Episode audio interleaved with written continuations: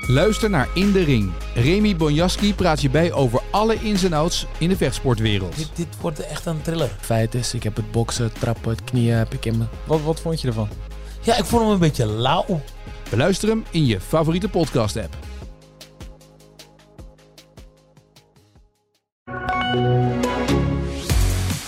De dominantie van Max Verstappen was voorspeld en kwam ook uit in Oostenrijk. Met overmacht won de Nederlander zijn zevende Grand Prix van het jaar. Verder was het een weekend van track limits, comeback van Ferrari en zeurende Hamilton. Maar er gebeurde eigenlijk nog veel meer waar we het over moeten gaan hebben in deze AD Formule 1 podcast Pitstop. En vanuit Oostenrijk gaan we praten met Arjan Schouten. Mijn naam is Etienne Verhoef. Want Arjan, we kunnen het hebben over racen. Uh, maar bij racen hoort tegenwoordig, zeker in uh, dit soort Grand Prix, dat wil je in, in, in België, uh, toch een beetje de, de, de, schaduw van het racen. De keerzijde hebben we dit weekend weer gezien. Hè? Nederlander, 18 jaar, overleden. Van een klote weekend, hè, Jen?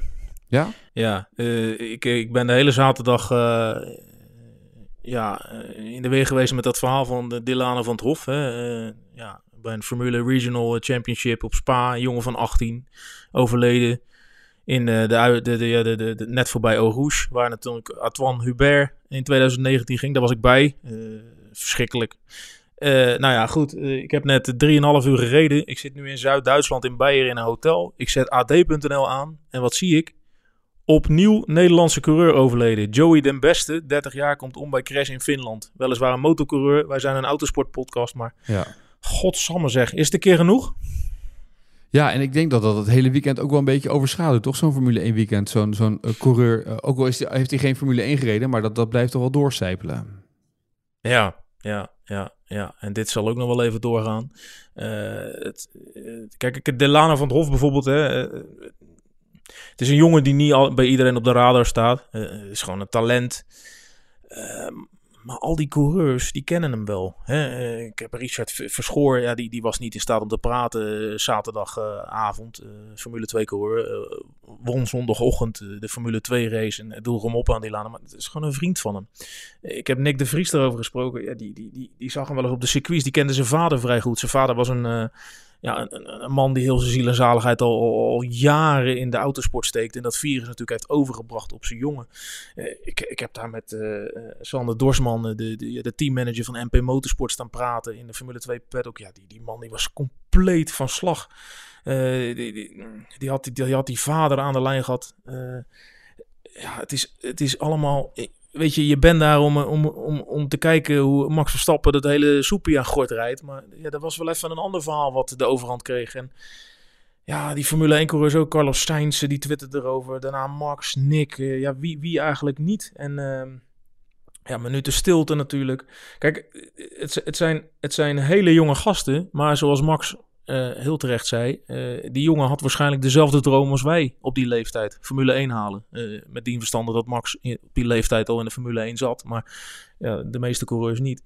En dan is het ook gewoon, hè, of je hem nou kent, of goed kent, of slecht kent, of niet kent, of alleen zijn naam kent. Dan is het ook gewoon één kleine familie van coureurs die, ja, die allemaal samen zijn. En die allemaal weer eens beseffen, wij ook als journalisten, hoe ongelooflijk gevaarlijk motorsport is want je denkt wel eens, uh, je ziet crashes, dan gaan ze met 300 uh, de baan af en dan draaien ze 28 keer om hun as heen en dan uh, stappen ze fluitend uit en dan gaan ze koffie drinken in de paddock. Maar dat hoeft niet altijd. Dit is weer Spa, hè? dus daar gaat die discussie natuurlijk ook over. Wou ik zeggen, ja, want dat is gelijk de vervolgvraag natuurlijk. Het is weer Spa en de discussie is al gelijk. Het is daar veel te gevaarlijk bij Rouge, dat stuk daar. Moet het allemaal daar aangepakt ja. worden? Ja, het is natuurlijk moeilijk om in de emotie uh, daar echt uh, heel duidelijke uh, analyses op los te laten. Want natuurlijk gaat er nog een heel team aan experts over om, om nou te kijken, hè, wat is daar nou precies gebeurd. Maar ja, goed, ik heb helaas de beelden onder ogen gezien. Had ik liever niet willen zien. Maar de omstandigheden, Etienne, die waren bizar slecht. Ik durf wel te zeggen dat Formule 1 daar niet in had gereden. En dan stuur je dus een, een groepje van jonge honden, allemaal eind tieners, begin twintigers die stuur je dan wel nog voor één of twee rondjes die baan op. Hè, door zo'n bocht waar je echt werkelijk niks ziet met spray. Ja, kijk, toen met Hubert, toen regende het niet eens. Hè? Alleen nee. je rijdt daar blind omhoog. Die steile ooghoes op. Ja, de, de, de, de, de iconische bocht die iedereen kent. En ja, als ze er heel mooi doorheen gaan, is het een fantastisch zicht. Iedereen moet dat een keer gezien hebben. Maar ja, uh, als er iets voor je gebeurt, dan zie je heel vaak dat een auto eraf gaat En het dan weer opstuitert. En dan rij jij er dus blind, eh, rij je die flank in van die auto. En dan kan je een halo op een auto zetten. En dan kan je een auto heel goed beschermen. Maar volgens mij ben je dan vrij kansloos als coureur. Als er eentje met eh 250, eh 300 eh, in je zijkant knalt. Ja. Ik, ik kan me voorstellen, Ja. je hebt de beelden gezien, dat die beelden dus best wel ook indruk maken. Want je bent er nog steeds, eh, eh, ik merk het aan je ook wel. Ondanks dat je een hele dag erop hebt zitten Formule 1. Ja, nou ja, goed. eh, dit is, het zijn gewoon geen leuke dingen. Ik bedoel, we, we- we- we- de- en, en ik vind het ook wat moeilijker, want je staat er dan een hele dag bij stil. En de volgende dag is het dan nog even een minuut stil. Maar daarna ga je het weer over zoiets futiels hebben, over een, van een bonuspuntje in een WK, wat toch al lang beslist lijkt. Ja, ik, vind, ik heb daar wel moeite mee, ja. ja. En, en die jongens ook. Ik bedoel, ja, in, essentie doen ze hetzelfde als dat, dat jonge mannetje. Eh, zo snel mogelijk rondjes rijden in een hele veilige auto. Die nog steeds veel veiliger is dan 40, 50 jaar geleden. Maar eh, je wordt maar weer eens met de neus op de feiten gedrukt dat het onveilig is. Nou, en dan, eh, nou, dan zet ik internet aan en dan zie ik dat er ook nog eens een motorcoureur in, wat is het, Finland. Een jongen van 30 uit Borkelo bij een of andere International Road Racing Championship is omgekomen. Ja, dat vind ik wel... Vind ik wel pittig. En op dat soort momenten ben ik best wel blij dat mijn zoon eh, gewoon op korfbal en op tennis zit. Nou, is ook gevaarlijk Ja. als je hard tegen die paal aanloopt. Maar het is een beetje hetzelfde wat je bij de Tour de France ook merkte. eh, waar dan een coureur het ravijn in is gereden en is overleden. Eh, en als je dan Wout Poels hoort in de podcast ook in koers. Ja. met Marijn en met Dylan. Dan hoor je Ja. ook zeg maar hoe, de- de- hoe dan bij die jongens het besef weer even komt. Oh ja, wacht even. Het is niet normaal dat je met 70, 80, 90 per uur een, een bergje affietst. Waarbij je met één stuurfoutje het ravijn in kan. En dat geldt voor dit ook. Het is niet normaal dat je 300 per uur over een circuit heen race. Eh, Dat is Nee. eh, dat, is, dat is ingegeven dat daar dan risico's aan vastzitten. En die besef je dan maar weer. Dit soort weekenden. Ja, ik sprak eh, Frits van Amersfoort van Van Amersfoort Racing. Ja, een, een dinosaurus in de racewereld die er al eh 40 jaar rondloopt. Een hele sympathieke Nederlander. En die, die, zei wel, die zei wel iets heel moois. We denken allemaal dat we de mooiste sport van de wereld bedrijven. Maar dat is het gewoon niet altijd. En dit is gewoon echt een hele vuile kant van die sport. En weet je, dat is het precies dezelfde discussie die eh Thijs Zonneveld en Hidde de afgelopen twee weken in eh, de wielenpodcasten in het wiel honderd keer hebben gehad. Je kan zo'n sport nog zo veilig maken als je wil.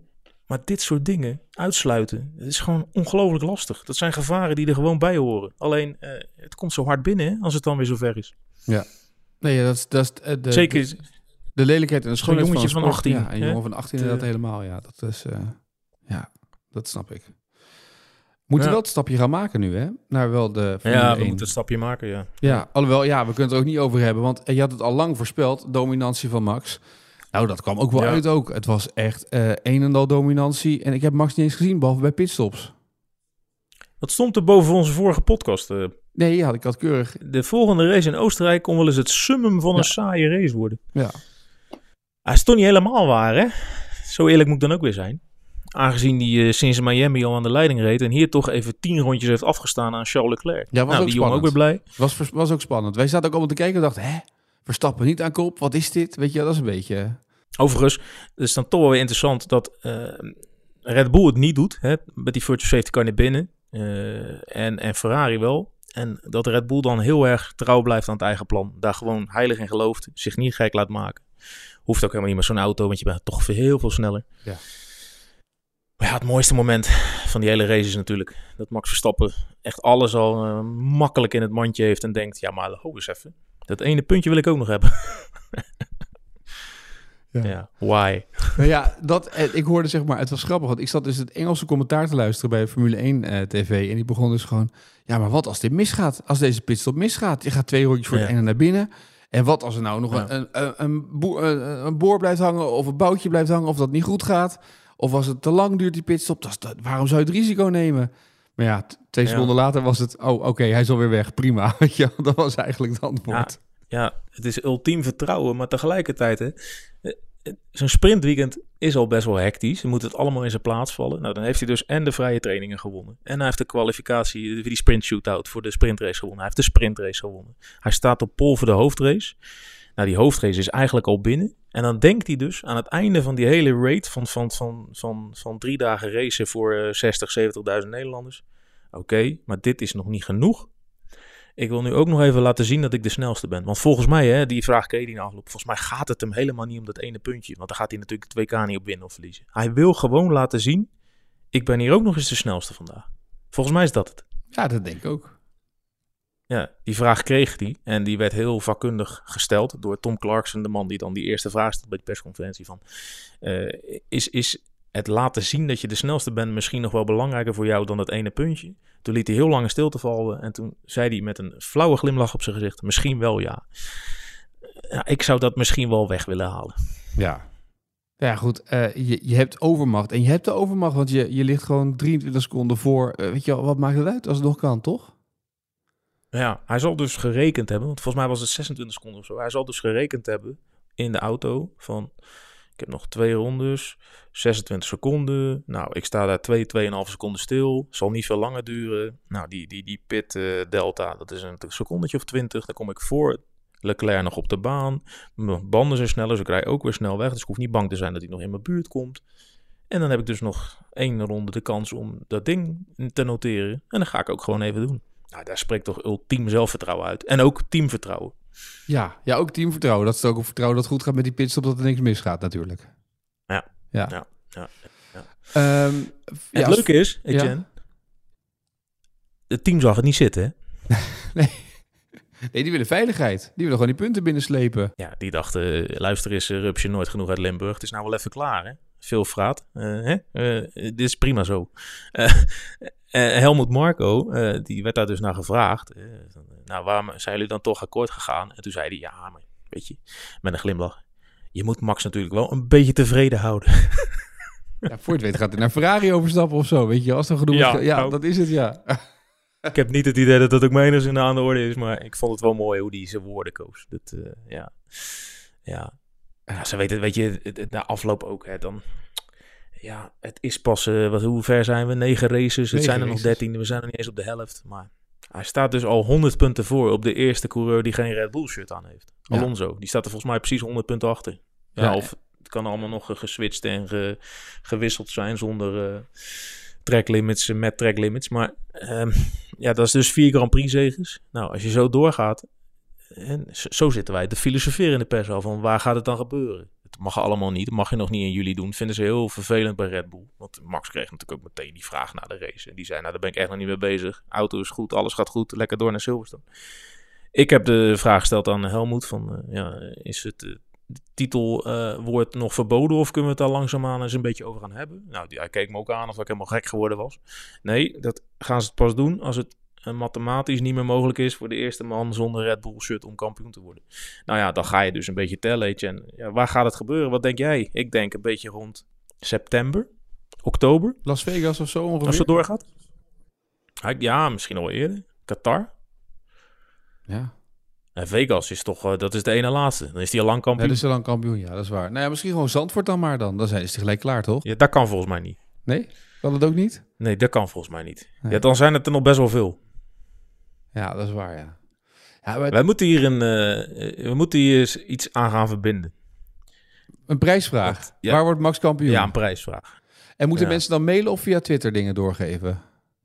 Ja, daar gaan we het niet meer over hebben. ik heb dat eh, al lang in mijn voordeel beslecht, deze hele discussie. Nou, dat vind ik een goed idee. Dus eh, laat even weten eh, via pitstop.ad.nl. Dat is het mail. Of via Twitter naar Arjan en naar mij. Laat even weten wanneer jij denkt dat Max wereldkampioen wordt. En als het zover is, gaan we onder de goede inzenders gaan we nog een leuke prijs verloten. Ja, maar zeg niet Zandvoort, zoals jij zegt. Want daarna zijn nog negen Grand Prix. Dan moet hij dus, eh, er zitten ook nog wat sprintraces bij. Dus dan moet hij dus uit mijn hoofd bijna 200 punten voor staan. Nou, dat gaat niet gebeuren. Want die eh, 100 punten gaat hij niet met nog 100 uitbreiden in de komende drie races. Nee. Dus gok er maar op dat het of Singapore, Japan, Qatar of Austin wordt. Een van die vier. Nou, En mag, dan gaan de laatste vier races eh, om des keizers baard, zullen we Ja. zeggen. Wil je onze chef mailbox Tom even alvast nog op de hoogte stellen dat eh, de mailbox overspoeld wordt de komende week of niet? Er komt een hoos aan ja, berichten dat aan. denk ja. ik ook, ja. Dat Maar goed, dan kan die Tom ook eens weer doen. Want eh laatst deed hij mee naar voetbaltoernooi, daar kan hij helemaal geen moer van. Dus dan kan hij weer zich weer gewoon op zijn werkzaamheden storten. Goed, voor Verstappen was het business as usual. Het was over, over het algemeen wel een, een raar weekend. Het was een sprintweekend waarbij een aantal mensen flink door de mand viel. En het verbaasde mij dan weer dat eh, het bij Mercedes dachten ze het onder... Nou, dachten ze aan verbetering, waren ze een beetje happy. En Mercedes zakte volledig door het ijs. Ja, en bij Ferrari, en zeker ook Aston Martin, dachten ze ook in, eh, wat was het, Spanje en Canada, dat ze er wat dichter op zaten. Ja, Overigens zei Max daar wel iets moois over. Die werd ook gevraagd van, eh, ja, waarom deed je dan eigenlijk die pitstop voor dat ene puntje? Want je, je hebt de afgelopen races, leek het er toch min of meer op dat die teams in de buurt kwamen. En toen ging hij eens lachen en toen zei hij, ja, ja, exact. Daar heb ik hele leuke verhalen over gelezen, zei hij. Is natuurlijk helemaal niet aan de orde. Nee, nee het is nog steeds een, Nee. een gro- groot grapend gat. Dat zagen we bij de sprintrace Ja. ook al, toch? 23 seconden in die 25 rondjes, 24 rondjes. Dat is natuurlijk Ah, bizar. dat, dat- ja, maar dat was bijna gênant. Ja. Vond je niet? Ja, dat vond ik echt, echt gênant, ja. Ja, en eh, de, de onvrede bij Mercedes is groot. Zeker bij Hamilton. Die is weer helemaal niet tevreden. Oh, dat- dat, dat zag je dus wel. dat merkte je niet Wolf aan die hem. op de boordradio... eh, Ja, maar hij was heel Nee. rustig. Nee, hij, het was, hij, hij, hij zei, hé, wat vervelend jongens dat die auto het niet zo lekker doet hier op hoogte. het was jammer. Ja, Volgende keer beter. ja. hoe, hoe keek je ernaar toen dat gebeurde? Dat gebeurde, want dat is toch, eh, dat, dat gepiep en zo, toch, moet je ook wel klaar zijn, toch? Nou, Toto Wolff breekt even in op de radio. En die zegt gewoon... eh Louis, nu even je mond houden. Weet dat die auto gaar is. Gewoon gaan rijden nu. Kappen met die onzin. Ja, vond ik wel mooi. Het is eh, zelfs de grootste Formule 1 coureur van de afgelopen 50 jaar. Die eh, kan af en toe gewoon ook nog een uitbrander van de baas verwachten. Als die te veel loopt te mekkeren. Ja, dat vind ik dus mooi. Als vader van vier kinderen. Nou- af en toe moet je gewoon even zeggen tegen ze... Kappen nou met je gezeik. Rijden met je bek. Ja, vind ik mooi. Nou, ik ben dus ook heel benieuwd. Die twee moeten nog de laatste onderhandelingen deze week doen voor eh, het contract van Lewis Hamilton bij Mercedes. Want de verwachting is op Silverstone gaan ze bekendmaken dat het allemaal definitief rond is. Die twee hebben dus nu dit boordradiogevechtje gehad. En die zitten dus morgen gewoon lekker met elkaar aan een kopje thee. En dan zeggen ze, oké, Ah joh, maar dat zijn hele goede vrienden. Het gaat in het heet, in het, op het scherp van de snede. Nooit het scherpst van de snede zeggen, hè, wordt Peter van Del boos. Scherp van de snede. ja. Of het heetst van de strijd. Maar die zijn dat morgen alweer vergeten, joh. Ja? Toch? Ah, ja. ik, ik heb toch ook een beetje dat ze een beetje klaar bij zijn bij Mercedes. Dat er ook nog gewoon 1500 man in die fabriek werken elke dag. En, eh, en dat, dat, dat, dat die derde zomaar even aan voorbij gaat. Ja, maar eh, weet je, die 1500 man, die heeft hij ook 1500 keer bedankt eh, bij die 107 overwinningen van hem. Dus ja, die heeft hij zoveel veren in de kont gestopt. Die, die kunnen daar nog wel even op teren, denk ik hoor. Ja. Maar goed, vorige week waren ze heel hoopvol. En Russell hoorde ik zeggen, nee, het komt allemaal beter. Het voelt goed allemaal. En nu ineens voelt het allemaal weer ruk. Dat is Ja. ook een groot verschil, toch? In, in een week tijd, twee Ah, weken tijd. Er is gewoon een moedeloos van te worden. Want ze hadden allemaal toch een beetje signalen dat het iets dichterbij kwam. En ze zijn allemaal gewoon... eh, Ja, Verstappen speelde werkelijk gewoon met de concurrentie. Hè? Eh, gewoon in alle sessies, overal.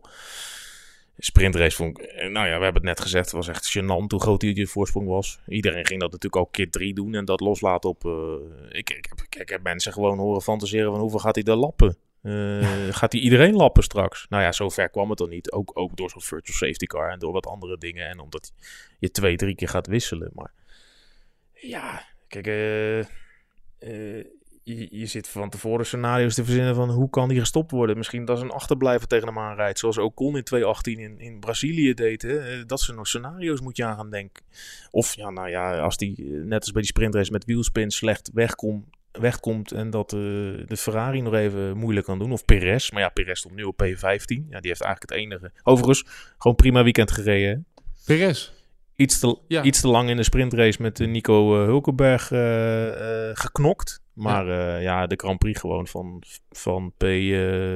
wat was het? Volgens mij stond die P15 terug naar podium. Ja, dat is Ja. gewoon goed, hè? Nee, dat is goed gedaan. Maar goed, eh, want eh, volgens mij eh, is het een referentiekader voor Hamilton en ook voor Ferrari en ook van Aston Martin niet zozeer Verstappen, maar is het meer onderling. Want volgens mij denkt, denkt Hamilton, oh, we zijn dichter bij Aston Martin, we zijn er Ja. voorbij, we zijn voorbij aan Ferrari en nu staat Ferrari er weer voor. Je krijgt een kampioenschap in een kampioenschap straks. Ja, dat ik. is het, ja. Ja. Ja. En, die, en, en dat is volgens mij knetter frustrerend dat je steeds niet weet hoe goed je nou eigenlijk bent met je wagen ten opzichte van je concurrenten voor plek 2 of 3 of 4. Ja, dat zei Marco ook. Die werd gevraagd naar, naar wie moet je nou eigenlijk kijken. En hij zei, ja, ik weet het eigenlijk ook niet zo goed. Want de ene keer is Ferrari net wat beter voor de dag dan Aston Martin, dan Mercedes. En ja, die vaststelling, die geeft dus al aan eh, dat het eh, achter Red Bull nog alle kanten op kan. En dat betekent dus dat niemand een hele constante vorm te pakken heeft. En ja, natuurlijk zag Charles Leclerc eh, in Oostenrijk lichtpuntjes. Maar Charles Leclerc ziet altijd lichtpuntjes. Ja. Dat is een beetje het probleem. Hij is zo, weet je, als die auto net een honderdste van een seconde harder gaat dan een week eerder, dan is meneer al blij. Maar ja, volgens mij gaat het nog steeds niet goed genoeg. Ehm, en ja, dan, dan, dan, dan zegt hij, eh, het kampioenschap is weliswaar weg, maar ik word er niet moedeloos van. En ik kijk nu alweer uit naar Silverstone en een nieuwe motivatie voor de mensen in de fabriek, dat wij nu het podium halen. Ik vind het allemaal prachtig, maar je rijdt verdikken in een Ferrari-vent. Hè? Je rijdt niet in een Fiat Panda. Je moet dit helemaal niet prachtig vinden, dat je helemaal, je helemaal kleurenblind gereden wordt door zo'n Red Bull. Daar moet, moet je verschrikkelijk van balen. En zeg dat nou eens gewoon. Ja, misschien probeert hij eh, teampersoneel en, en fan op te beuren met zijn gedrag. Maar word nou gewoon eens een keer boos, man. Maar hij zal wel een keer boos worden, Charles Leclerc.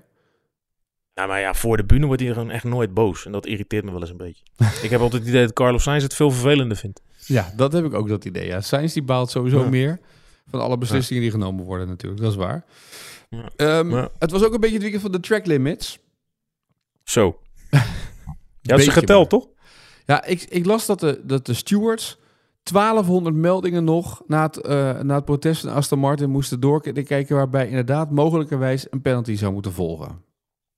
Zo, heb je ook een hondenbaan? Hè? Ja, dat is echt dat is bizar Zo, natuurlijk. Dat er een soort, een soort stembureau in een middelgrote gemeente in Nederland eh voor zit, zeg maar. Ja, en dus was de top 10 die jij nog zag toen je wegging uit Oostenrijk op weg terug naar huis... is een compleet andere Mhm. dan toen je aankwam in Duitsland... Eh, behalve dan de Ja. top 3 was redelijk hetzelfde. Maar een aantal eh verloren een plekje. Hamilton onder andere. Eh, flink gewisseld. En ook heet dat, Lennon Norris ging voorbij aan Sainz. Die kreeg ook wat, wat eh, straf. Nick nog twee plaatsjes gezakt, zie Ja. ik. Ben je er nog? Ja, ik ben er nog zeker. Ik was aan het luisteren. Ik denk, je gaat een hele opsomming geven nu. Ja, nee, Nick nog eh, van 15 naar 17 gezakt. Dat is wel jammer, want ik had een heel bericht getikt over... eh, ja, 15e plaats is wel een beetje waar we horen. Ja. ja, ja, ja. Oh, Tsunoda helemaal naar 19, zie Ja. ik. Keurig. Ja. Dus al met al, ja, zeg ik, maar, ik werd een beetje... dat, dat is weer het verhaal van dit weekend ook weer, hè, die track limits. Ja, een beetje moe van dat verhaal. Maar volgens mij is iedereen wel een beetje moe van dat verhaal. En het is op, op dit soort circuits is het heel lastig. Eh, op, op oldschool circuits heb je gewoon eh, gravel en, en gras. Maar ja, dat kan hier niet, want de motoren rijden er ook. En dan is het allemaal levensgevaarlijk. Dat snap ik best. Maar los het dan op een andere manier op. Hè, ehm, ehm, die witte lijn, ja, daar gaan ze allemaal overheen. Dat, dat merk je wel. Ehm, en dan wordt hier en daar geopperd, ook door Max, van maak de, maak de lijn breder. En dan is het zichtbaarder voor ons. Want ja, ik, ik- nou, ik, heb, ik heb er gelopen, hij is ook vrij smal. Mhm. Maar da- daarnaast ligt hier en daar wel gewoon eh, ja, de, de rood-witte curbs. Eh, die kan je natuurlijk ook gewoon als lijn hanteren. Ja. Eh, sommige coureurs zeggen dat. En, en als je daar overheen bent, dan voel je dat wel. Ehm, ja, ik vind het moeilijk, maar...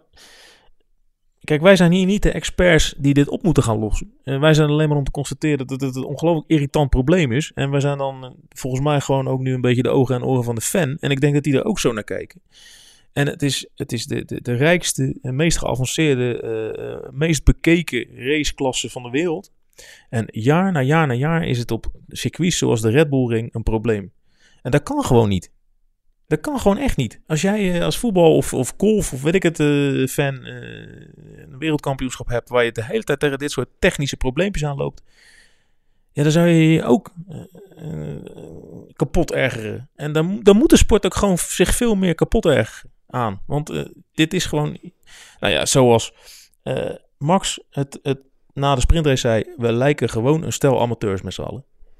Ja, maar nu zegt de Formule 1 in een statement... naar aanleiding van dit protest van Aston Martin... en dus de aanpassing uiteindelijk, het gegronde protest van Aston Martin... eh, zegt Formule Ja. 1, ja, bocht 9 en 10, dan moet meer gravel te, komen te liggen. Die, die verschuiven het probleem weer naar Oostenrijk. En zegt, ja, Spielberg, los het maar op. Dan moet gewoon eh, meer gravel komen te liggen in die bochten. Ja, maar dat is het dus als je met, je, werkt dus met een regulerende partij, je werkt met een commerciële partij en je werkt ook nog met lokale organisaties. Ehm, sommige eh, circuits hebben ze natuurlijk zelf in de hand, zoals Saudi-Arabië en dat soort dingen, maar eh, eh, eh, je werkt hier en daar gewoon met, met lokale organisaties die, die dan het circuit voor elkaar moeten krijgen. Dat gaat wel in samenspraak met de FIA, maar ja, link, linksom of rechtsom, weet je, en hoe, hoe ze het doen, los het gewoon een keer op. Want ik ga je nu al voorspellen, over twaalf maanden komen we hier weer naar dat eh, Oostenrijk. En dan is het gewoon weer niet opgelost. En dan is het weer hetzelfde probleem. En dan gaan we weer, krijg je weer van die uitslagen waar eh, achter eh 17 van de 19 namen een sterretje staat. Ja. En dan krijg je weer coureurs zoals Lewis Hamilton die helemaal gestoord worden in hun cockpit en eh, de hele boordradio vol blaffen. Ja. Of Yuki Tsunoda die eh, ha ha ha track limits ha ha wa wa wa Eh, dat soort dingen. Ja. Ja. Een beetje, ik werd er een beetje moe van en een beetje geïrriteerd van ook, merk ik. Ja, de boordradio eh, van dit weekend was inderdaad over track limits. Zometeen nog even over Nick de Vries. Even één stapje nog, want we hebben het over volgend jaar eh, Oostenrijk. Eh, de Red Bull Ring staat ook volgend jaar weer op de agenda, sowieso tot 2030. Het valt mij op dat er veel Ja, contracten... terecht overigens. Ja, er worden heel veel contracten nu verlengd tot 2030. Heel veel circuits, eh, als daar geraced is, 2030, 2030. Toen dacht ik, ja, maar Zandvoort, dat is maar heel kort verlengd. Dat is niet zo heel lang verlengd. Wat zegt dat dan? Nee. Want die andere eh, circuits hebben een veel langere tijd en veel meer zekerheid. Nou, dat zegt dat Zandvoort financieel de risico's niet durft te dragen voor eh, tien jaar tijd. Dat Mhm. willen ze niet. Hè, dat wordt daar gefinancierd in- met een bepaald consortium met een heleboel bedrijven. En elk bedrijf die hapt dan toe voor een jaar of twee, drie. Maar niemand gaat zich tien jaar verbinden. Want laten we wel zijn, Formule 1 in Nederland hangt helemaal vast aan het eh, succes van Max. Ja. En als Max in 2027 aangeeft dat hij in 2028 mee stopt, wil niemand in 2030 nog de Dutch Grand Prix op Zandvoort organiseren. Mhm. Want ja, eh, ja, allemaal leuk en aardig, maar ze komen niet voor Yuki Tsunoda, zullen we maar zeggen. Nee. Eh, daar komt nog eens bij, wat ook een hele grote factor is, eh, dat er in eh 9 van de 10 orde op de kalender veel meer geld te verdienen valt voor de FOM dan in Zandvoort. In Zandvoort zijn ze echt alleen maar vanwege Max. En dat is ook gewoon, nou, nou, je kan de kalender op, opdelen in destinations eh, with, with tourism, zoals ze dat dan zeggen. En je kan, je kan er ook een paar aanwijzen waar ze puur voor de coureur zijn. En dat is, eh, daar is eh, eh, Zandvoort een, een gigantisch goed voorbeeld van. Ze Ja. zijn daar echt alleen maar om max. Als het, om geld, als het puur om geld verdienen ging, wat wij natuurlijk vaak zeggen, dan, dan gooien ze maar af en dan zetten ze, weet ik veel, Abu Dhabi of zo erbij, Ja, denk ik. Want Of, nee, daar zijn we al. eh, Dubai, Dubai. Zandvoort eh, doet iets van 30 of 40 miljoen, iets meer dan 40 miljoen moeten ze geloof ik betalen aan, aan FIA om, die Formule 1 race te mogen organiseren. Volgens mij zeg ik dat goed. Dus 15 miljoen voor Monaco, dat is het minste. Ja, Monaco zeggen ze ook wel eens van dat ze niets betalen. Volgens mij is dat ook niet helemaal waar. Maar ik bedoel meer, de, de Saoedi-Arabiërs, die zetten daar gewoon 100 miljoen per jaar tegenover. Ja. Lachend. Ja, precies. Ja. Om het verschil even te Eh, duiden, inderdaad, ja. Alleen, ja, de, de Formule 1 weet ook wel, we kunnen niet twintig keer in eh, Saudi-Arabië-achtige landen gaan racen. Kijk, Engeland, daar moet je naartoe. In Nederland, daar moet je nu naartoe. Nou, Duitsland, daar moesten ze altijd naartoe. Zijn ze nu niet naartoe geweest. Daar heb ik overigens nog lang met Nico Hulkenberg over gesproken. Interview eh, afgelopen zaterdag in het AD. Dat is ook wel interessant wat daar gebeurt. Want eh Duitsland is natuurlijk een megaland. En daar komt de Formule 1 gewoon niet meer. Na al het succes wat ze hebben gehad. Ja. En daar zei Hulkenberg over. Deels zijn we verwend en is dat land helemaal klaar met, met Formule 1. Een verzadigingspunt bereikt. Maar daar speelt ook die discussie die wij hier hebben. Die is daar al veel verder. Over eh, dat Formule 1 eigenlijk niet meer in het tijdsbeeld past. En eh, eh, dat de auto-industrie volledig de, de, de zwarte piet toegespeeld krijgt voor de klimaatverandering. En dat de politiek daar heel graag een, een slecht beeld over schetst. En dat dat ook afstraalt op Formule 1. En dat ga je vroeg of laat ook gewoon in Nederland krijgen. Als het succes van Max eh, een beetje tanend is. Hè? En, nu, eh, zoals eh, Hulkenberg in de krant zei. vermorzelt hij alles en iedereen nog. En staat hij eigenlijk boven alle kritiek. Maar ja, het is politiek al niet gefinancierd bij ons. Hè. De- Nee. de- de- de- het Rijk doet daar niks aan. Het is privaat geld. Deels nog een stukje provincie richting... eh, eh, vanuit de gemeente, Ja. richting eh, NS-voorziening en dat soort dingen het eerste jaar. Maar ja, op een gegeven moment moet Zandvoort de afweging maken... willen we hier nou nog vijf jaar mee doorgaan? En dan gaan ook dat soort dingen allemaal een rol spelen. Ja. Denk ik. Die hele milieudiscussie.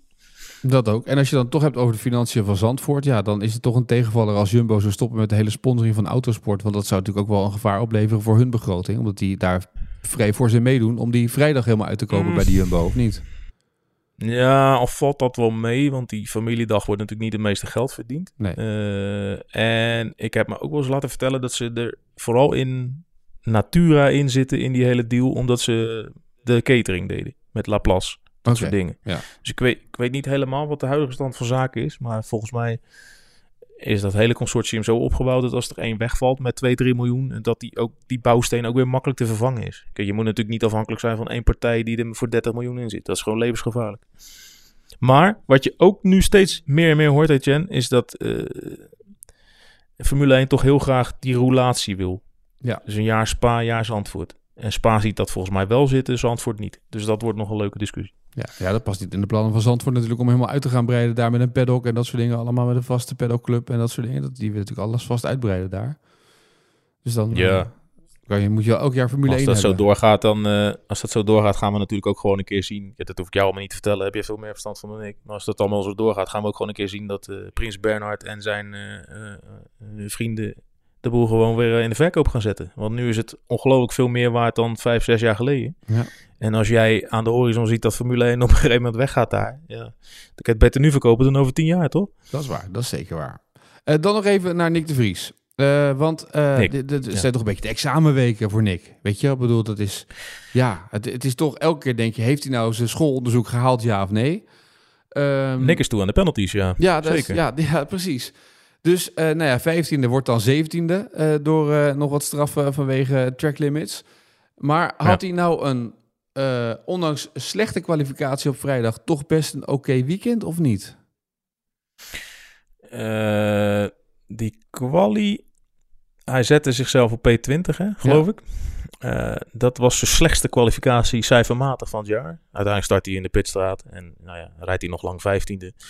Eh, maar ik denk niet dat hij heel veel met dit weekend is geholpen. Ik denk ook niet dat dit het weekend is waar Helmut Marco straks van zegt... ja, oké, maar nu gaan we echt niet met hem verder. Dus het is een beetje zo-zo. Eh, ehm, Helmut eh, Marco zei dat dit een van zijn betere weekenden van het jaar was. Maar dat zie je natuurlijk cijfermatig niet terug. En daar heb ik lang met Nick over gepraat na afloop. Dat is ook het lastige. Hè? Want ehm, zoals hij dan zei... ehm, als bevestigen voor de buitenwereld betekent dat ik WK-punten moet gaan pakken. Jongens, dan kan ik jullie uit je droom helpen. Dat, dat is niet realistisch met deze auto. Je mag best in dromen geloven, maar dat gaat niet gebeuren. Niet zomaar. Dan moet je echt een heel bizar weekend hebben met, met regen en safety cars en vijf uitvallers. En, nou ja, zoals eh, Pierre Gasly twee jaar of drie jaar geleden nog in de, in de Alfa Tauri won. Maar dat is niet een logisch scenario. Nee. Ehm, het is veel logischer dat je gewoon die race rijdt en dat je rond de vijftiende plaats eindigt. Dat is eh, realistisch met die wagen. Nou, dat deed hij. Dus ja, daar kan je hem ook niet op aanvallen. Eh, overigens, hij denkt dat hij in Hongarije wat beter voor de dag kan komen. Had hij wat theorieën voor. Weinig lange, hele lange stukken met, eh, met, met, met hoog tempo. Dus dat zou, zou die auto beter moeten liggen. Nou ja, we gaan het zien. Maar er is nu wel heel duidelijk, Etienne. Hij krijgt nog drie kansen op drie bekende circuits. En dan wordt in de zomer eh, besloten of zijn kop eraf gaat of dat hij mag blijven zitten. Dus dan is het in ieder geval een goede race rijden naar Alfa Tauri begrippen. Dat is een beetje het verhaal. Ja. Of je kan het ook omdraaien, niet door het ijs zakken. Ja, dus niet twintigste worden of negentiende. Exact. Ja. Ja. Nou, dat, dat worden leuke weken. Het is eigenlijk overal een zesje of een zeventje verhalen eigenlijk. Gewoon wat mijn eindexamen ook was vroeger op de HAVO. Ja, en tegelijkertijd, hè, weet je nog hoe die erin kwam? Ja, met Na die ene mooie informace op Monza. Ja, Ook niet in de allerbeste auto van het pak. Misschien moet hij ook gewoon een beetje geluk hebben en hopen dat het bij een van de komende drie races in, eh waar gaan we heen? Eh, Silverstone, Budapest en Spa. Dat het een heel raar weekend wordt met heel veel uitvallers. Dat hij door de melee heen rijdt. Toevallig een keer elfde wordt of tiende of negende van mijn part. Of dat hij toevallig in een natte kwalie overeind blijft. En een geluk heeft dat hij eh, net voor de bui naar buiten ging. En dat hij een keer vanaf P4 of P5 of P6 mag starten. Kijk, zo'n sport is het ook. Hè. Zo kan je ook gered worden. Dus dat zijn de scenario's een beetje dik. Maar wat hij niet moet doen, opzichtig in de fout gaan. ja. maar wat Want je, dan is het klaar, denk ik. wat je een beetje mist, en je zegt dit nu, en dat, dat denkt mij gelijk dan ook een beetje... Wat je nou mist, is eh, het opvallende dan in ieder geval in de kwalificatie. Daar waar bijvoorbeeld eh, Albon opvalt met een Williams, daar waar Hulkenberg eh, heel vaak Ja. opvalt met een goede kwalificatie. Ja, Je kan nog is goed dat je hem noemt, ja. Ja, je kan nog zo'n Ja. brutrace rijden. Maar als je toch iets voor elkaar kan krijgen in die kwalificatie waardoor je opvalt, daar gaat het toch een beetje om? Ja. Je ziet, het is goed dat je ze noemt. eh Hulkenberg en Albon, eh, allebei in, in de een in de Williams, de ander in een Haas. Geen wonderauto's.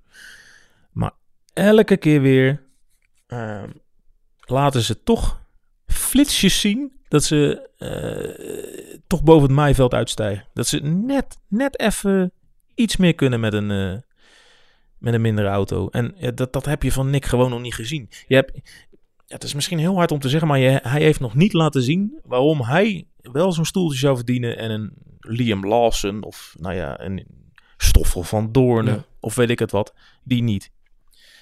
En ehm, ja, dat, dat is ook moeilijk, want hij heeft daar de auto niet voor, maar heel af en toe zo'n flitsje laten zien. Zoals, zoals Nico Hulkenberg best wel vaak doet. Want we doen er wel eens laagdunkend over van waarom zit hij nou weer in die auto en Mick Schumacher had daar ook kunnen zitten. Ja, Mick Schumacher heeft gewoon een, een jaar lang die hazen 30 keer aan gort gereden. Die kostte heel veel geld. Ja. En je ziet Hulkenberg, zo'n routinier, die is niet voor niks nu aan zijn 13e jaar in de Formule 1 bezig. Die heeft niet voor niks al 527 WK-punten gepakt. Meer dan welke niet-winnaar in de Formule 1 ook. Het is gewoon een bewezen puntensprokkelaar. Hè? Ook met slecht materiaal. Altijd in een middenveldauto, nooit in een top 4 auto gereden. En dan is Formule 1 geen makkelijke sport. Maar Hulkenberg laat dan zien dat hij wel van toegevoegde waarde kan zijn. En dat, ja, dat laat Nick de Vries nu nog niet zien. Nee, daar er wel drie races voor. Als hij dat niet doet, dan Ja. zal het waarschijnlijk klaar zijn in de zomer, toch? Ja, dat is een mooi avontuur geweest voor hem, maar klaar. Ja, en eh, daar gaan natuurlijk heel veel discussies over in Nederland. Van, eh, hebben ze hem dan niet te veel onder druk gezet door hem eh, al meteen aan het begin eh, neer te zetten als ja, de, meest ervaren rookie ooit die er meteen moet staan, die Tsunoda moet kloppen. Ja, dat zal allemaal best wel waar zijn dat dat misschien niet heeft meegeholpen in de beeldvorming. Alleen, wij moeten ook niet vergeten, wij hebben zes, zeven jaar lang naar een van de allerbeste coureurs ooit zitten kijken, die, die ons nog steeds versteld doet staan. En daar zitten we hem natuurlijk ook een beetje aan te koppelen. Dat moet je ook niet doen. Dat komt ook omdat ze allebei bij, het, bij hetzelfde team zijn begonnen in de Formule 1. En dat Max wel veel dingen voor elkaar kreeg met die auto.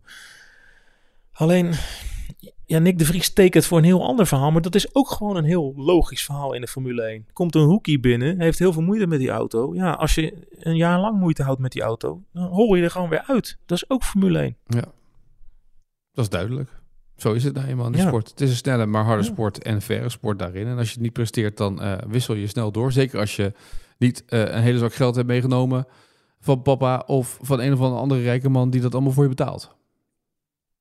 Voor jou, tien anderen, Etienne. Zo is het ook. Precies, zo is het. Op naar Silverstone. Ja. Overigens één ding. Ja, Weet je wat je niet moet doen? nou. Een circuit gaan hardlopen met onweer. Dat is best wel Oh, eng. dat heb jij gedaan natuurlijk, ja. En je hebt, je hebt je moet ook even over je Oostenrijkse eh, stoebe waar je in hebt geslapen. Maar eerst even hardlopen tijdens de onweer is niet handig, dus op een circuit begrijp ik. Moet je niet doen. Nee. Dat is best wel eng. Ja, Het begon al een beetje te betrekken. Ik ging met Patrick Moeken van, eh, van nu.nl. Die overigens dit, dit enorm heeft overdreven in eh, onze pitstop collega's. eh, eh, eh, collega show, de bordradio. Enorm overdreven. We, we leven nog. Maak je niet druk. Eh, we, we- zijn niet geraakt door de bliksem. Maar ik ben met hem eens. Het is wel eng. Het begon te betrekken toen we begonnen. We waren daarboven, zeg maar, bij dat punt waar ze dan naar rechts weer naar beneden Ja. draaien. Eh, toen begon het te regenen. Nou ja, we waren achter in het bos, toen begon het te plensen. We hadden, het was een soort wet t-shirt contest waar we we waren helemaal tot op het bot nat. Maar het begon me op een gegeven moment te donderen en te bliksemen om ons heen. En toen dacht ik wel bij mezelf, van alle plekken waar ik nu zou kunnen zijn op de wereld, is een circuit misschien wel het allerslechtst. En wat heb je toen gedaan? Geschuild ergens of ben je heel hard door gaan rennen? Nee toch? Geschuilen toch? Nee, ik ben door gaan rennen, maar in de laatste 800 meter heb ik die moeken wel even laten staan, want die schoot echt niet op. Ik denk, ja, ik vind het allemaal leuk en aardig, maar ik wil nu gewoon terug zijn in de pitstraat. Maar je Dus ben bent gaan rennen door het onweer heen. Ja, ja, ja, moet je anders. ja, ik leer altijd schuilen op de golfbaan. Daar staat, heb je van die schuilhutjes. Ja, heb jij wel eens proberen te schuilen op een Formule 1 circuit? Waar moet je, waar moet je gaan Ja, zitten dan? ik veel. Onder het DRS-bord. Ja, dat denk ik. Achter, onder een DRS-bord, ja. Daar gewoon onder. Ja. Maar ja, er kwam af en toe wel een safety car voorbij. Ik denk, ja, als we daar nog even bij kunnen kruipen, kroon in. heb je ook een leuk verhaal weer. Dus, Maar ja, dat is waar. Hey, en, en dan maar heb we hebben het gered. Ja, je, je leeft nog. En je Dus- hebt ook nog geslapen in een prachtige Oostenrijkse... Nou, ik wou zeggen, eh, eh, Ja. Wat was dat? Wat, wat, wat, wat voor dorp zat je ineens? Ja, ik wist ook niet. Ik had gewoon in Graz geboekt. Daar gaan we altijd zitten. Want alles is allemaal niet te betalen. En eh, al die dorpen om het circuit zijn allemaal van die bergdorpen waar je... Ja, als het donker is, echt niet naartoe wil rijden. En Graz is eh 50 minuten rijden. Dat is een grote stad. is hartstikke leuk. Ajax komt er ook wel eens met de Sturm Graz. En met de Mhm. Europa Ja. Cup en dat soort dingen. Ja, topstad. Alleen, eh, ja, dit bleek even 10 kilometer buiten Graz. In Seiersberg. En dat was een soort... eh, ja, hoe moet ik het zeggen? Echt zo'n eh, Oostenrijkse... een boerderij met zo'n bierstoel in de tuin. Waar tot één uur s'nachts eh van die muziek eh, werd, ge- werd gedraaid. Waar je ook niet heel blij van wordt. En waar eh, het bier in. door vrouwen in. van hoe heet het die dingen? Dirndels? Ja? van die jurken naar je, naar je tafel wordt gebracht. Dus ja, ik had de, de, de, heel, de whole Austrian experience, zullen we zeggen. Schitterend man, dat je de hele Oostenrijkse experience hebt, toch? Moet je ook een keer meegemaakt hebben, toch? Nou, ik denk dat dat de zesde keer was dat ik er was. Maar ja, in, in Kraas merk je er niet zoveel van dat je in Oostenrijk bent. Dat kan net zo goed Berlijn zijn of eh, Zurich. Maar eh, ja, ik heb nog wat koeien gefotografeerd in een wei met de bellen om hun nek. Dus ja, dan, ben je, dan, ja, dan is het toch helemaal af. En heb je ook nog, word je dan ochtends ook wakker met zo'n hoorn, dat ze dan zo blazen als je moet uit bed moet, dat het ontbijt klaar staat, of niet? Nee, dat is in de Alpen. Oh, dus in de, ja, maar dit is toch ook de Alpen? Nee, dit is het, eh, het muurtal. Eigenlijk Oh. zit je in een dal, hè? Tuurlijk, oké, ja. Nee, dat is waar, ja. Dat was ik even vergeten. Dus in de, Ja. eh, boven de berg Super word je wel eh, wakker gemaakt met zo'n hoorn, maar als je beneden Ja. in het dal zit, niet. Nee, dat is voor de echo's, hè? In het dal. eh, Ja, weet ik er veel van, joh, Etienne. Mijn wekker stond gewoon. Kan mij het schelen, die hele toeter van jou. nou ja, op naar Nederland weer, op naar Engeland. Ik spreek je volgende week voor Silverstone, denk ik, of niet? Of is Marijn alweer terug? Ja, die mag Marijn weer eens doen. Oh. Is nou lang genoeg vrij geweest. Goed, dus, uh, Marijn naar. Engeland. Eh, en dan eh, eens kijken wat dat gaat opleveren daar. Ik wens je een goede terugreis. Yes, gaat lukken.